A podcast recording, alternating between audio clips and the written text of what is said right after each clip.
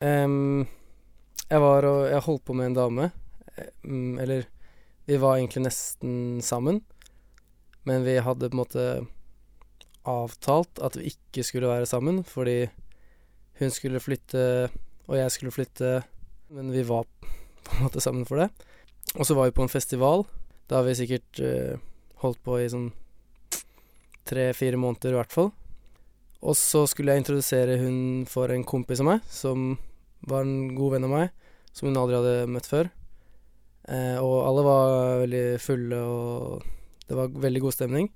Og så var vi på en konsert, da, rett etter vi hadde møtt han eh, kompisen, og så Plutselig så ser jeg til høyre for meg at eh, de to står og kliner, da. Så traff det meg liksom i hele kroppen, egentlig.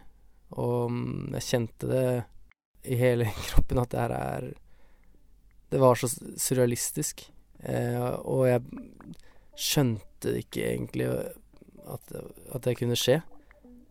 Jeg bare visste ikke hvordan jeg skulle reagere i det hele tatt, og bare egentlig ble veldig sånn handlingslamma. Um, det som skjedde etterpå, er liksom Jeg husker ikke helt nøyaktig, men han forsvant i hvert fall, han kompisen min. Han syntes vel det her var ganske rart. Det skjønner jeg jo. Um, mens hun dama som jeg holdt på med, hun Hun ble veldig, veldig fort lei seg, da, og gikk ut, og jeg måtte, måtte Jeg fulgte etter henne. Um, og satte meg ned med henne, og hun var kjempelei seg. Og begynte å gråte og sånne ting, og jeg liksom satt og trøsta henne, da. Jeg vet ikke helt hvorfor jeg gjorde det, og hvorfor jeg liksom ikke bare stakk fra henne, da. For det var jo en helt fucka ting å gjøre mot meg. Og så prøvde jeg på en måte å spørre henne hvorfor hun gjorde det og, og sånn, men hun hun ga meg aldri noe svar, da. Jeg ble lei meg, men jeg rakk jo ikke å bli å tenke så mye på det. Og bli lei meg før hun plutselig var skikkelig lei seg, da. Eller, ja, jeg var veldig delt, fordi på en side så syns jeg det var helt sjukt teit det hun hadde gjort, men på en annen side så hadde jeg lyst til å trøste henne òg, fordi jeg, hun var kjempelei seg. Og det tenkte jeg Eller helt sånn instinktivt, instinktivt så var det noe jeg hadde lyst til å gjøre, da. Og jeg hadde lyst til å være med henne òg. Det var liksom en festival vi skulle være sammen på, og det, det var gøy. Det er ikke det at jeg tenker at jeg burde ha blitt dritforbanna, for det liksom hjelper veldig sjeldent, men jeg burde i hvert fall bare sagt at det her gidder jeg ikke, og så stikke derfra, liksom. Og drite i henne. Jeg hadde sikkert hatt det kjipt uansett, på en måte, fordi det skjedde, men da hadde jeg i hvert fall hatt det kjipt fordi hun hadde vært jævlig, og ikke fordi jeg måtte sitte og trøste hun fordi hun hadde vært jævlig. Så det er litt vanskelig å godta at jeg ikke At jeg ikke greide å stå opp for meg selv, på en måte.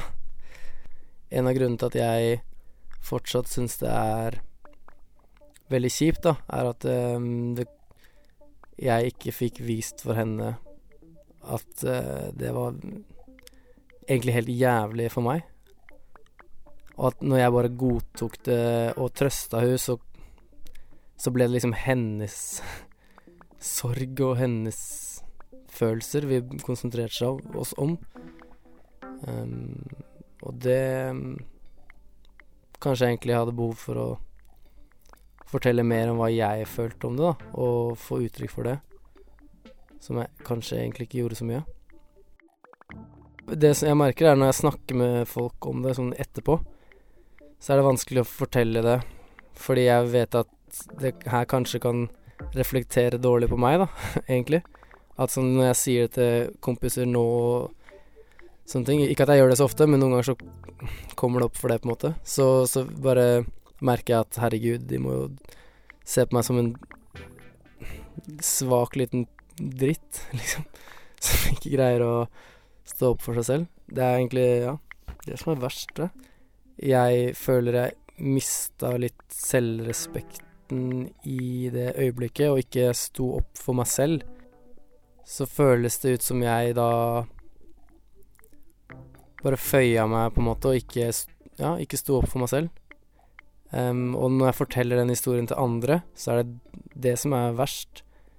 Å tenke at når de hører den historien, så tenker de at hva, hvem er han fyren her, liksom, som ikke tør å bare si fuck deg, jeg stikker. Drit i å kline med kompisen min. som jo er en fucka ting å gjøre. Det som jeg har tenkt mye på da, i etterkant, er at jeg Jeg godtok det bare, og vi holdt på Fortsatte å holde på fram til den perioden hvor vi skulle flytte fra hverandre, da. Um, og da Ja, vi har egentlig aldri snakka om det etterpå heller, så jeg har aldri fått noe sånn bekreftelse eller noe grunn til at hun gjorde det, som er ganske Jeg vet ikke. Fortsatt litt vanskelig, for vi er egentlig ganske gode venner ennå og, sånne ting. Det jeg skulle ønske jeg hadde gjort isteden, eh, hvis jeg skulle gå tilbake, er å eh, fortsatt forholdt meg rolig og ikke blitt forbanna, for det hadde ikke hjulpet, tror jeg, men eh, bare dratt fra henne, da, egentlig, og ikke å stikke derfra, og bare gått og hatt det kjipt med meg selv, og kanskje noen kompiser. eh, det hadde vært Da hadde jeg følt at jeg på en måte kanskje hadde beholdt selvrespekten i etterkant. Fordi da hadde jeg ikke godtatt at det hadde skjedd med meg. Men jeg hadde fortsatt ikke Det er ikke noe vits å klikke og kalle henne jævla hore, liksom. Det er, ikke, det er ikke det jeg har hatt lyst til å gjøre, men bare det hadde vært greit å bare ha det kjipt da, med meg selv, liksom. Og istedenfor å se på at hun hadde det kjipt i tillegg, og trøste for det.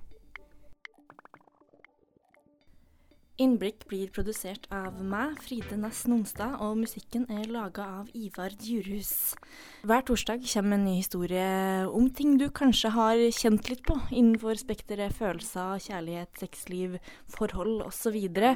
så abonner veldig gjerne og følg med, for plutselig så kommer det noe kanskje du eller noen du kjenner kan kjenne seg igjen i. Monster.